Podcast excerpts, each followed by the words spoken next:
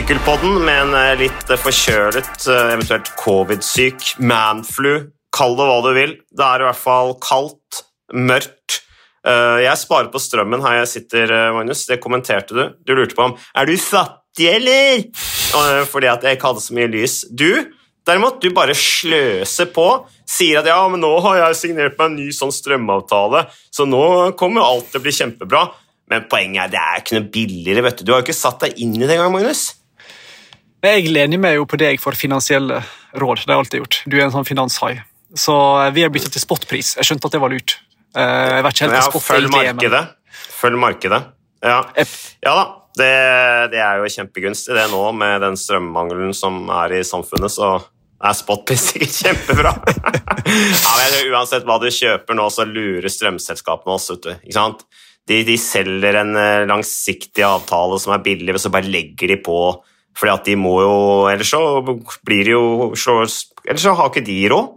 Så da må de jo lempe det over på kunden. Jeg signerte en, lang, en sånn langsiktig avtale for mange år siden. Jeg trodde jeg hadde skutt gullfuglen, men de bare la jo på.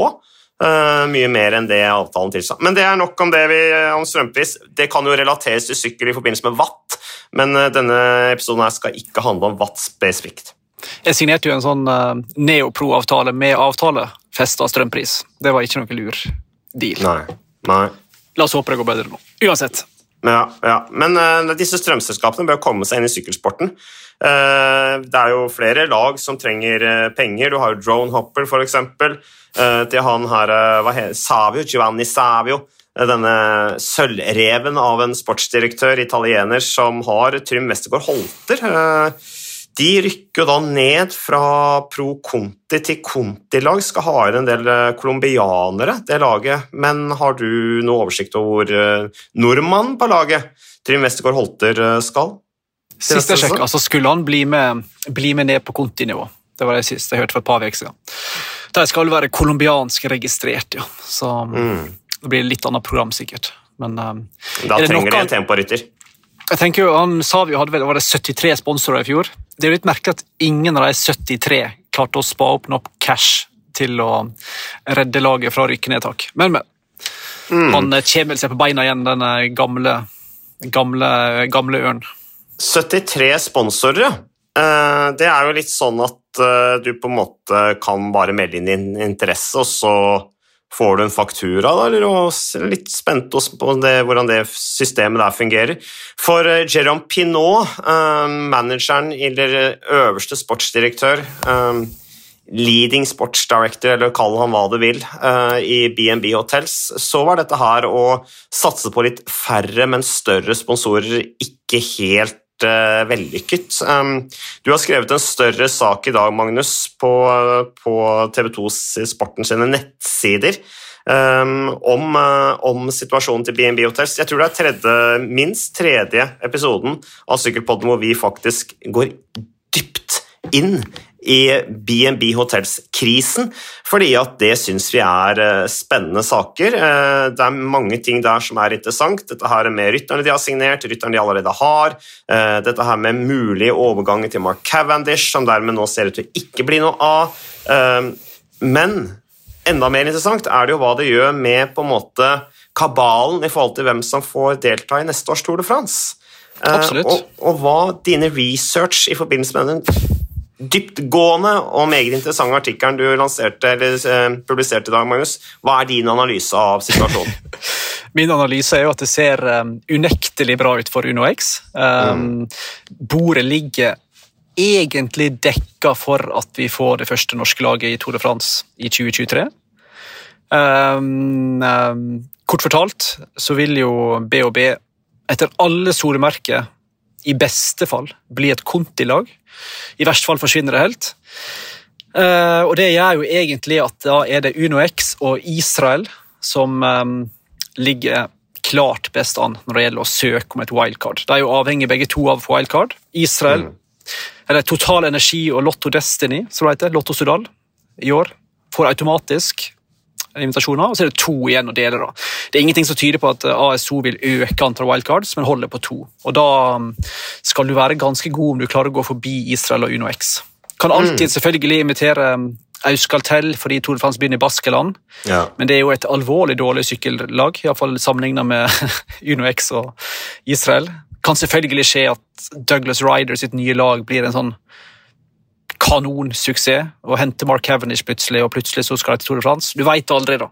Men sånn som står Douglas nå, Ryder, Mark Cavendish, det, er en enorm kombo. det kommer ikke til å gå. Det går ikke. De Nei. var vel ikke bestevenner på slutten. Men du skjønner poenget mitt. Det kan jo være at et eller annet skjer før jul som gjør at, at eh, landskapet endrer seg. Men sånn som det er per nå, da, 5. desember, så um, eh, skal eh, ASO være veldig kreative for å unngå å invitere UnoX. Eh, Og så vil jo ikke B og B-laget selvfølgelig kommentere rykter. De har ikke kommentert noe på et halvt år, nesten. Nei.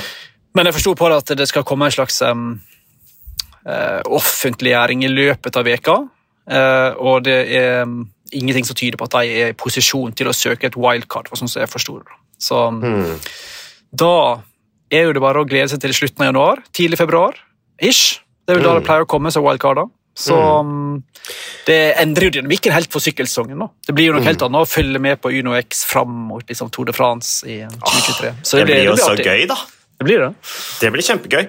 Men altså, vi får se litt på truslene, da. Uh, I forhold til at Uno X ikke kan uh, ikke få kjøre Tour de France. Ja, vi, hadde jo, vi hadde jo et eh, eh, håp om at de skulle få kjøre Tour de France i 2022, i, med den tanken, den litt store tanken om at det var nordiske Tour de France-starten noensinne. Dette var det første norske profflaget på eh, på et slikt nivå. Det var dansk-norsk. Passet veldig bra med tre dager i, i Danmark. Det ble ikke noe av.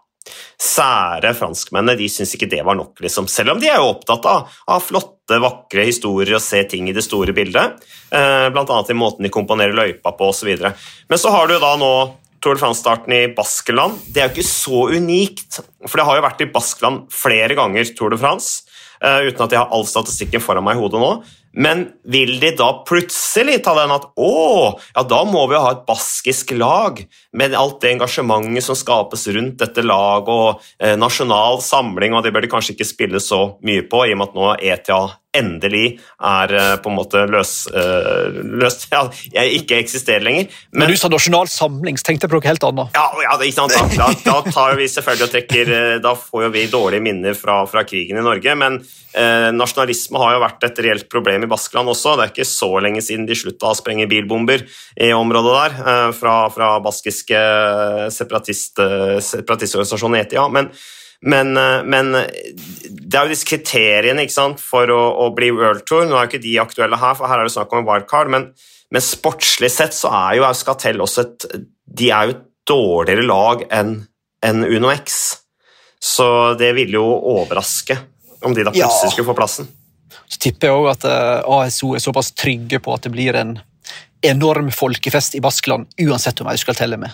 De elsker jo sykkel mer enn noen andre, sånn, så jeg tror nok det blir et enormt folkeliv. Og så eh, tror ikke jeg, jeg, jeg tror ikke, ikke engang ASO på sitt mest vilkårlige og politisk uberegnelige kan komme på å invitere Euskaltel foran de er jo ikke topp 50 engang i verden, tror jeg. Altså, De ligger langt ned på listene. Um, og har jo ingen profiler, for å være helt ærlig. Så, og så kan du også lese litt inn i invitasjoner siste år òg. Det er jo gjerne sånn at ASO ofte liksom uh, tester ut lag med å gi deg invitasjoner til andre ritt i sin egen portefølje. Paris-Nice, Roubaix, uh, ja, Flash Vallon, you name it. Ja. Og ja, Uno X har jo fått håper jeg, alle andre invitasjoner enn Tour de France. Har bestått testen, eh, for å si det på den måten. Så mm. blir de invitert til Paris-Nice i januar. Der, der kommer tidlig i januar, de invitasjonene. Da blir det fort Tour de France òg. Mm. Ja, men det er jo enormt stort. Det er altså, og da skal UnoX skal ha, altså. Eh, De snakker om step by step, eh, og det kan høres litt sånn klisjéaktig ut, men da er det liksom nok et steg med en utvikling som jo er helt fantastisk. Å få et norsk lag til Tour de France er jo en drøm vi har gått og sikla på eller snakket om lenge, eh, og egentlig snakket om det som ganske urealistisk. Men eh, nå nærmer vi oss, også, så det er eh, utrolig gøy. Hva kan eventuelt ødelegge, da? Hva sier folk? Altså, hva kan en elendig sesongstart ødelegge, f.eks.? Nei. Det tror ikke jeg. Eh, Det måtte være hvis det er noen av disse store fiskene på markedet, sånn som Cavendish og Quintana og sånt. Ja, Quintana er kanskje ikke så velkommen lenger, men det måtte være hvis noen plukker opp dem, og, nok, og liksom hierarkiet endrer seg litt da, før sesongen kommer i gang. Um, men um, de bryr seg ikke veldig masse om hvor fort du sykler i Etoile du Bessers for til Tour de France. Altså. Så, Nei, det uttalte jo eh, sjefen i ASO Tour de France, ganske tydelig underveis, eller så før Tour de France òg, når, når UnoX ikke fikk invitasjon. At liksom Ja, vi har registrert at de har syklet bra i bl.a. Etoile Bessers, men eh, det betyr jo ikke nødvendigvis at de sykler like fort i, at de er like eh, imponerende i Tour de France. Så, eh, men samtidig, eh, de syklet jo veldig bra i kriterium Dauphiné også, så, så det, det har de sikkert friskt i minne, og bruker det igjen som argument for nettopp å liksom forsvare hvorfor de blir invitert. Da. Det som kunne ha velta det, måtte være hvis eh, UCI faktisk ikke står ved det opp- og nedrykkssystemet sitt. Det har vært snakk om at det skal bli noe, kan bli tatt til kas, eh, det kan bli utfordra i systemet fordi lag føler seg dårlig behandla. Hvis det blir endra på, og at du plutselig justerer hvem som rykker opp og ned La oss si at du ikke rykker opp, da, så vil jo Arkea Samsic plutselig være et pro-team som automatisk vil være invitert. Altså, ja, men mindre det blir noen sånne ekstrarunder på det systemet, og det er ingenting som tyder på det per nå, iallfall, så um, ser det veldig bra ut. da. Nei, men hvis Israel, start, altså Israel Premier Tech allikevel blir invitert til Tour de France, så vel de, eh, kan vel de innfinne seg med at situasjonen er som den er, og så kjempe om å bli automatisk kvalifisert av de neste årene eh, som, som, eh, som andredivisjon eller pro- pro-team. da. Så, så det er vel kanskje redningen også for UCI, hvis Israel Premier Tech blir tatt ut som et wildcard, for da, da demper i hvert fall det litt for smerten over at de ikke lenger er kvalifisert som, som World Tour-lag. Absolutt. Det ironiske her er jo at det er jo enklere for, for Uno X å bli invitert i Tour de France enn det til å bli invitert i mindre ritt som Giron og Vueltaen. Det tror jeg jeg ser på som ganske usannsynlig. Når du har så mange italienske og spanske lag på nivå to, så vil du bli foretrukket framfor et norsk-dansk samarbeidslag. Så det er et godt bilde på hvor eh, vilkårlig det er i den eh, fantastiske sporten her. Ja, Samtidig så kan jeg trøste deg med da, Magnus, at eh, det er bedre nå enn det var. Det, altså, det, var, det, var, det, var, var verre før. Det var, Det jeg. det var mer, eh, det var Penger mer under bordet og- eh, Ja, kamerat, kameratdealer før. Altså. Særlig i forhold til dette med invitasjoner til, til de store rittene. Så, så, så noe bedring er det selv om man blir litt sånn oppgitt uh, underveis innimellom. Det, det, det tror jeg vi kan eh, konkludere med. Og så er det selvfølgelig fremdeles justeringer av, av bl.a. World Tour-systemet. og og jeg har jo sett eh, Chris Room sant, snakke om at det bør være en årlig kvalifisering. Eh, Jeg støtter det òg, istedenfor den treårige. Samtidig som det er som du også sa i en tidligere episode, at ja, men det var jo nettopp lagene som ba om treåring for å ha mer forutsigbarhet i forhold til sponsorarbeid og sånne ting. Så vi får se hvordan det der utvikler seg videre. Men i hvert fall utrolig spennende nyhet da, med, med UnoX. Eh, trist for BNB Hotel, selvfølgelig. Eh, men eh, ja.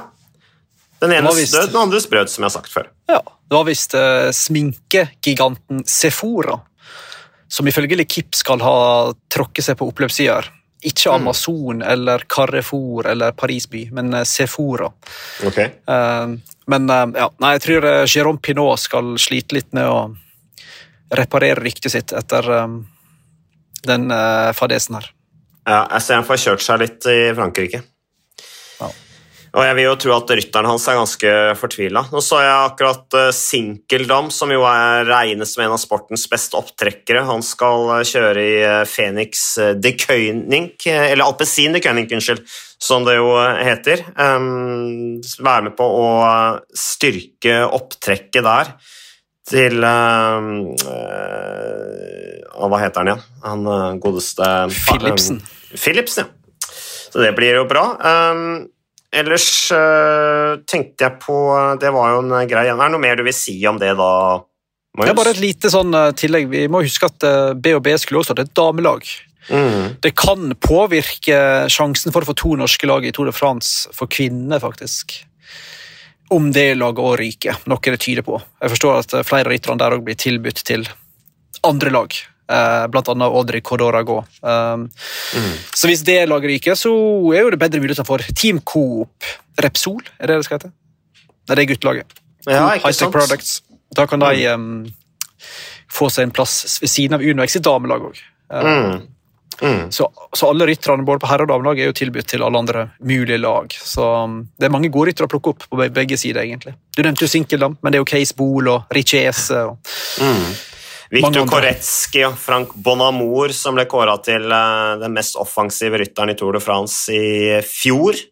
Eh, du har Luca Mosatto, som er en veldig spennende rytter, som dermed plutselig er ledig på markedet. Så det er en ganske fortvila situasjon for de rytterne der. Jeg, jeg oppfattet det en stund som at de ville fortsatt, eh, fortsette på dagens nivå, eh, men nå kommer jo du med opplysninger om at de, de rykker jo ned så til de grader.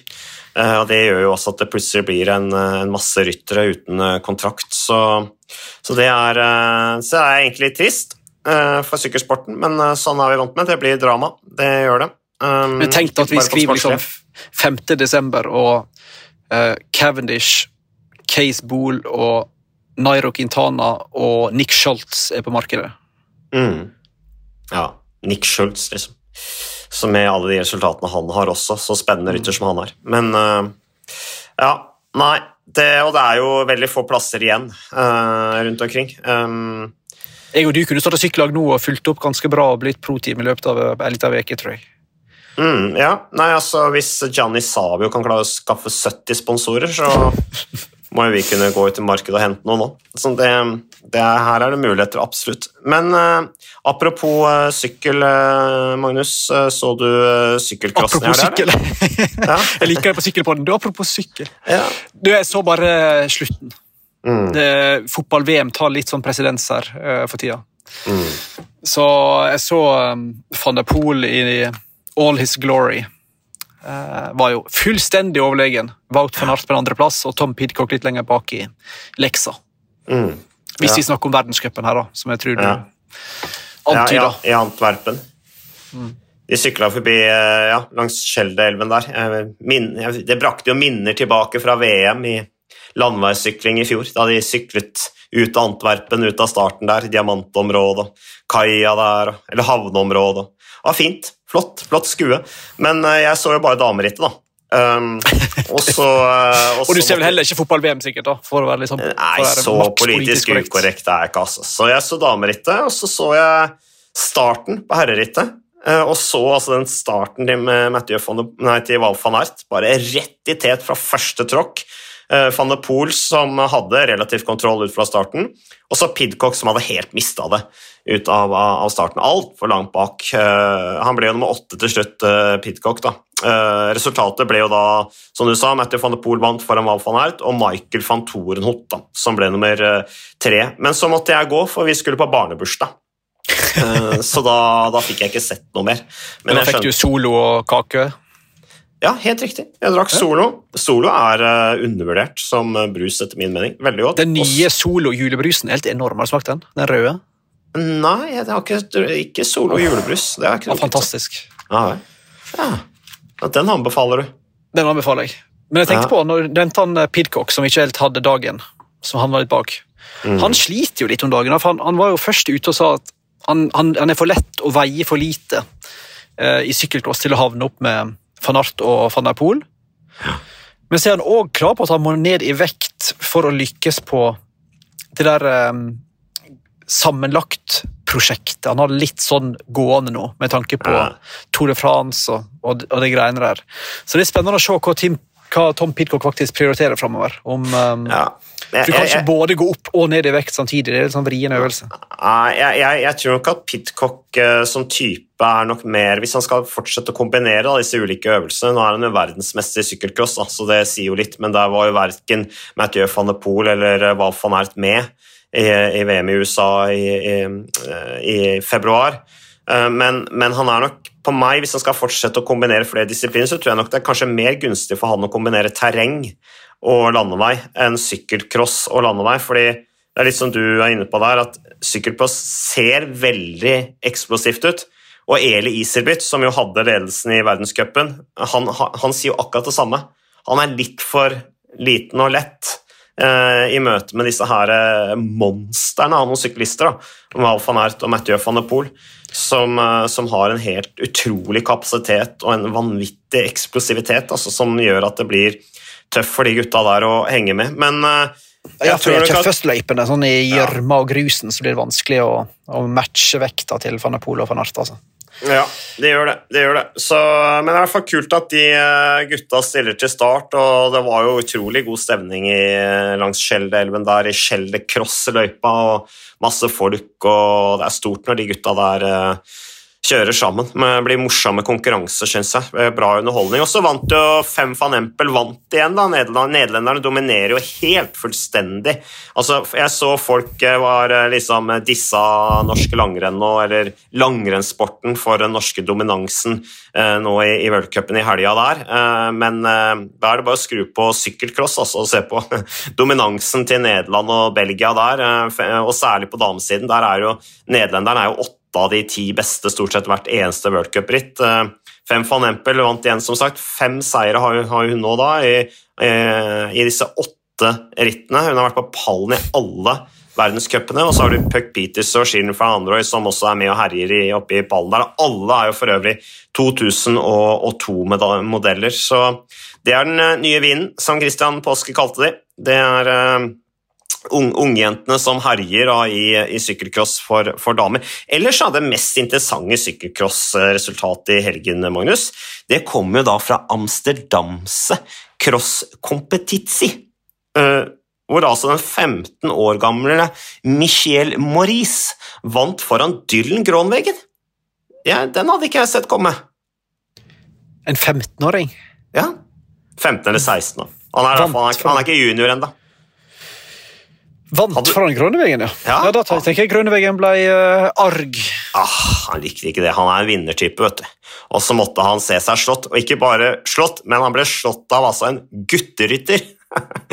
Uff a meg. Men uh, Dylan Grønneveggen, uh, Bikerschange-rytteren som er lagkamerat med Amund Grøndal Jansen, han er altså nederlandsk mester da, i gutteklassene uh, i sykkelcross og i tempo. Så merk dere navnet da.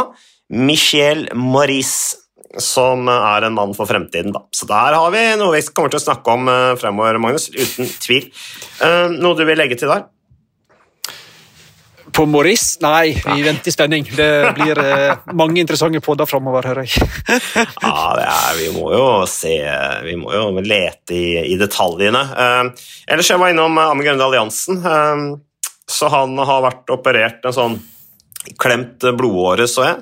Uh, som har vært et problem for han lenge, så da håper vi at det åpner opp for uh, Grønne Alliansen, og at han får en bedre sesong i uh, 2023. Um, det blir spennende å se. Det er mange som rytter som har vært igjennom den samme operasjonen der med sånne klemte blodårer, og det er klart at det man må jo ha god blodgjennomstrømming når man skal drive med, med sykkel. Andre nyheter, Magnus, er det noe spesielt du har ligget eh, våken om, eh, om natten, som du har grublet på fra sykkelsporten i det siste?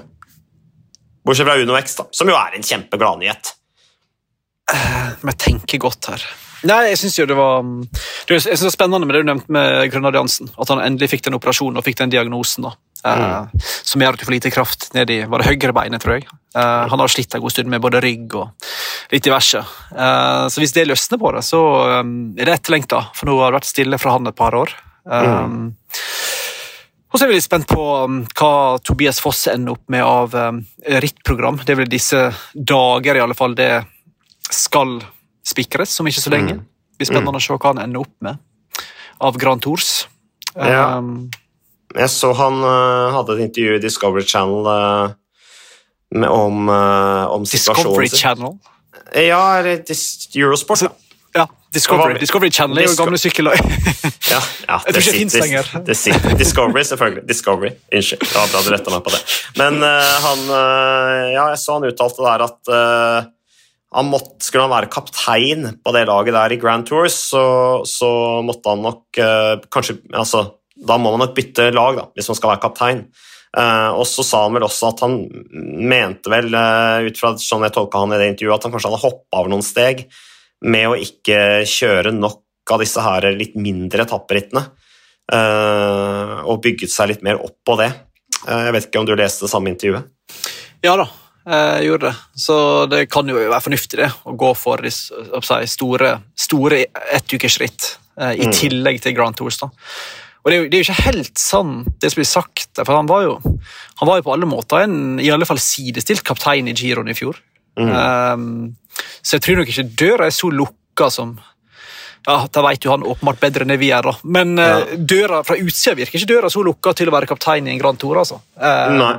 Primoz Roglic heller er ingen ung rytter lenger. sant? Uh, og når Tom Dumoulin er ute av bildet i tillegg, uh, og Krøysvik blir eldre og altså Jeg ser ikke så mørkt på det, men um, det blir spennende å se om det blir på en måte en sånn eh, reprise av Giroen igjen, eller om han blir hevet rett inn som en um, hjelperytter for Vingegård i, i Toren. Mm, Har vel kanskje tror- mest, mest trua på det første, kanskje, men Ja, jeg vet ikke hva han ønsker mest. Jeg, tenke, jeg tenker at det kunne vært ganske utviklende for Tobias Foss å kjørt en Tour de France med Vingegård og den der gjengen der. Jeg tror det ville gitt han ganske altså Når du snakker om det der å gå i steg ikke sant, og kanskje hoppe av noen steg, kanskje det ville vært nyttig for han, nettopp for å, å, å bygge seg opp i litt langs, mer langsiktig perspektiv.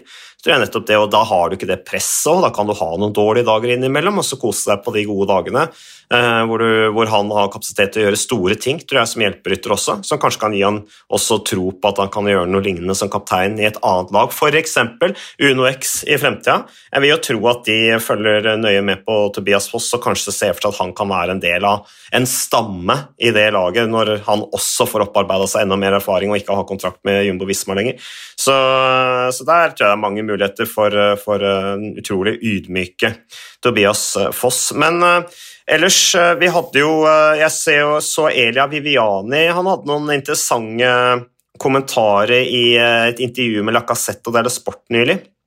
Uh, Viviani sykler jo nå i, i Ineos Grandiers, um, og han er tilbake der. Uh, havner jo selvfølgelig litt i skyggen der av, av satsingen de gjør på Grand Tours, men uh, han sa nylig da, i et intervju med den italienske sportsavisen at eh, spurterne, altså de rene spurterne i feltet de er en utdøende rase, sier han. Eh, da med referanse til at løypene blir stadig hardere. Eh, og så sier han at ja, i dagens verden så kan en massespurt skje etter over 2000 meter med klatring.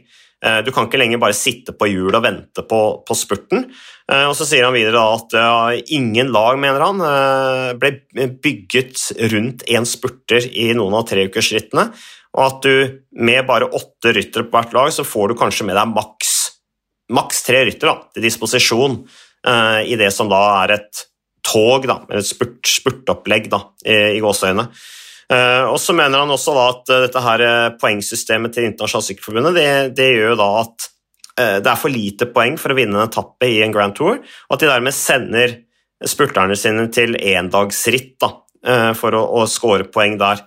Så det er jo litt interessante betraktninger, syns jeg, fra Elia Viviani, og det er litt mitt inntrykk òg, at eh, særlig Tour de France utvikler seg i den retningen at det blir krevende for rene spurtere. Selv om neste års løype er eh, kanskje positiv igjen, eh, med kanskje seks-sju muligheter.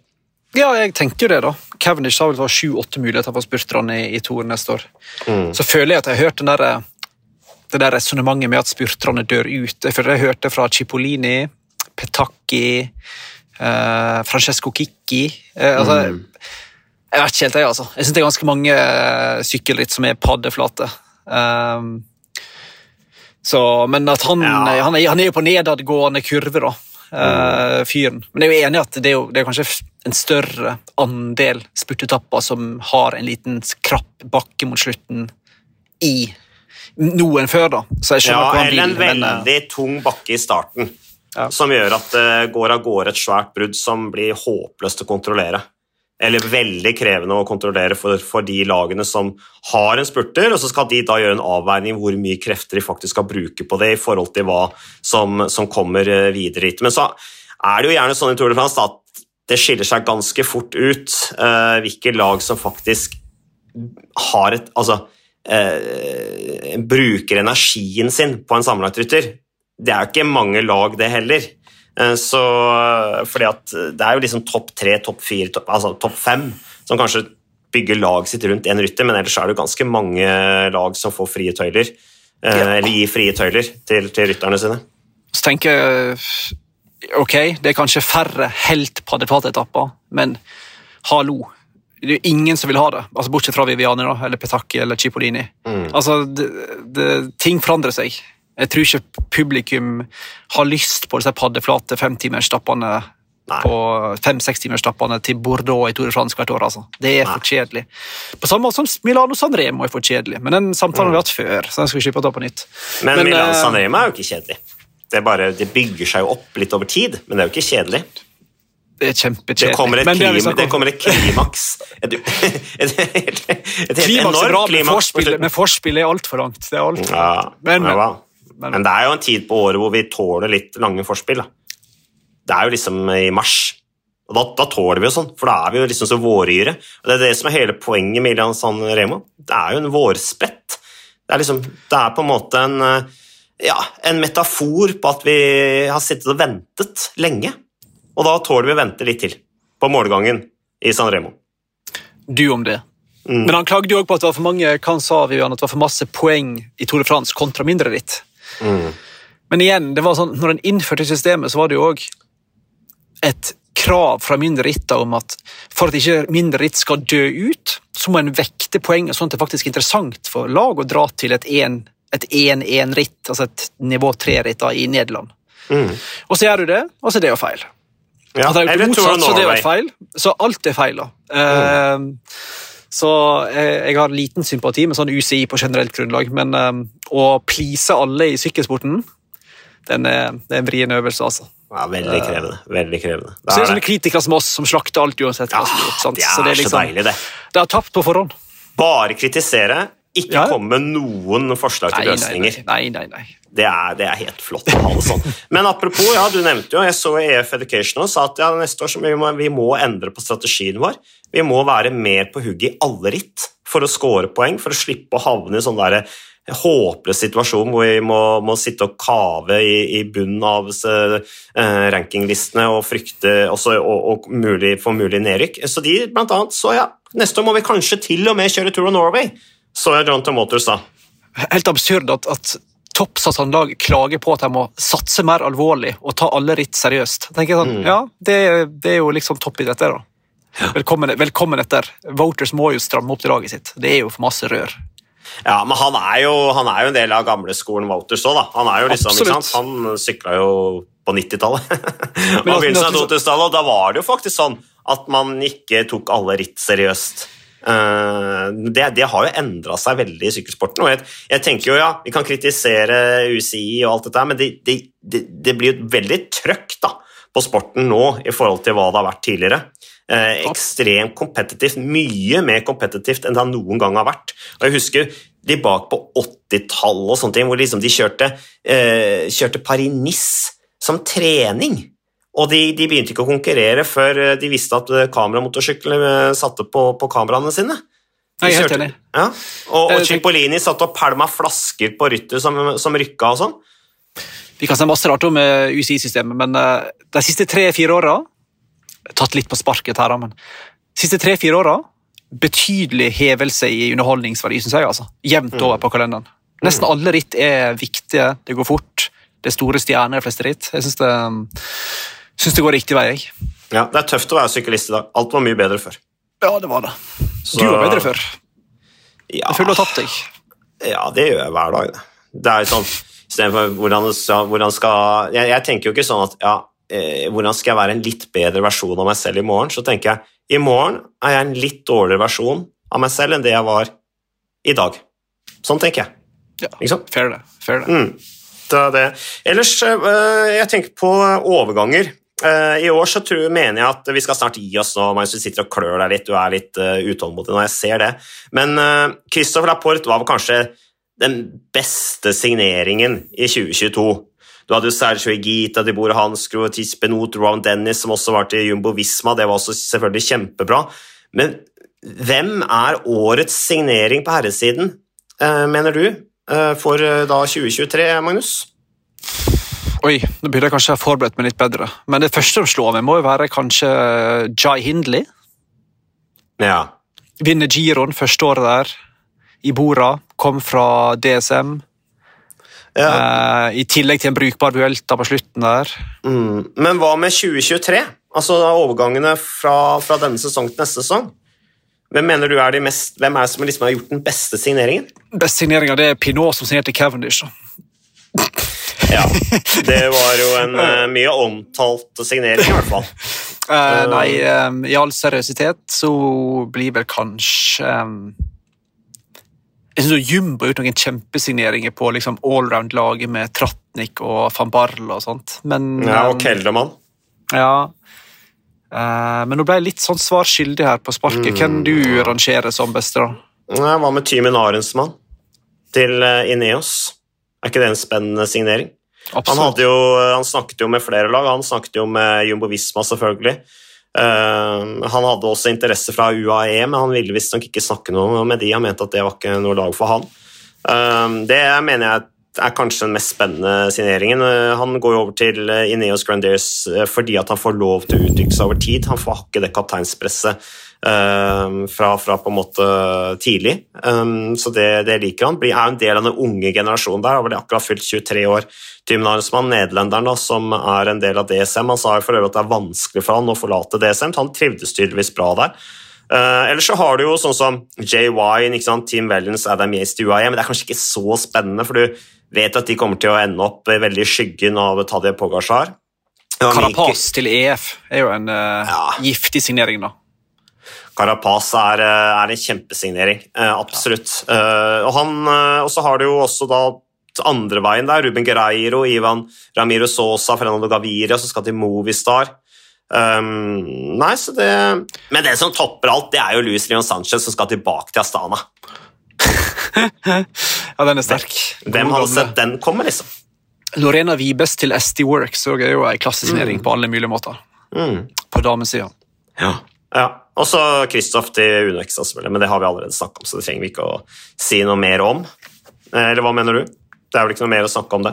Uh, nei, men altså, ja, vi skal gi oss snart. Jeg, Magnus uh, Remco Enepol han har da bekreftet at han skal til Giro Italia. Skal vel også sannsynligvis kjøre Spania rundt og forsvare seieren sin derfra um, etter at han vant det i år. Uh, han uh, går jo mye på gallaer nå og mottar hederspriser. Ble akkurat kåret til årets idrettsmann i, i Flandern. Har jo også mottatt denne Velo de År av det er vel rundt 30 sykkeljournalister som er med og gir denne gullsykkelprisen, som er en tradisjonsrik pris. Var du med i den juryen der, eller Magnus? Det er jo en, det er en norsk journalist med i den juryen, tror jeg. Sindre Olsen. Sindre Olsen var med, ja. Jeg tror han var med i år. Jeg tror ja, han skulle stemme. Ja, ja, jo da. Så kult. Så vi får håpe han stemte riktig, og stemte på um, Remco. Det vil jeg tro han gjør. Han er jo fornuftig. Tror du han stemte Remco? Det bør han gjøre, ellers så får han Jeg tror vi ta en litt sånn leksjon her. Ja, så Du mener at Remco Evnepol er årets syklist? Ja, ja, ja. ja, ja, ja. ja. Det har vi snakket, ja. om før, og du sa jo da at du var enig til slutt. Ja. Ja du begynte med sånn Pogacar-resonnement, og så skifta du til Evenepool. Ja, jeg er sånn vinglende. Jeg er det. så det er riktig, det. Nei, men bra. Nei, men da, vi, da gir vi oss, tenker jeg, Magnus. Takk for uh, din tålmodighet, at du orket å stille opp på Sykkelpodden uh, nok en gang. Nå er det noen uker siden sist. Ja, så jeg tenkte på det var litt på tide. Og du hadde jo denne fantastisk spennende saken din om DNB Hotels og UnoX tidligere i dag. Så den er bare for alle lyttere å gå inn der og lese. Uh, og dele på sosiale medier. Jo mer klikk vi får, jo bedre er det. Det må dere gjerne gjøre med Sykkelpodden også. Vi har jo aldri bedt en eneste gang om at noen skal abonnere på Sykkelpodden. Ikke gjør det! kan vi vel si. Men fortsett å holde dere i form. Uh, fortsett å følge med på sykkel. Vi er tilbake med mer sykkelpod uh, en eller annen gang i fremtiden hvis det skjer noe stort. God middag, Magnus, og takk, takk for oss.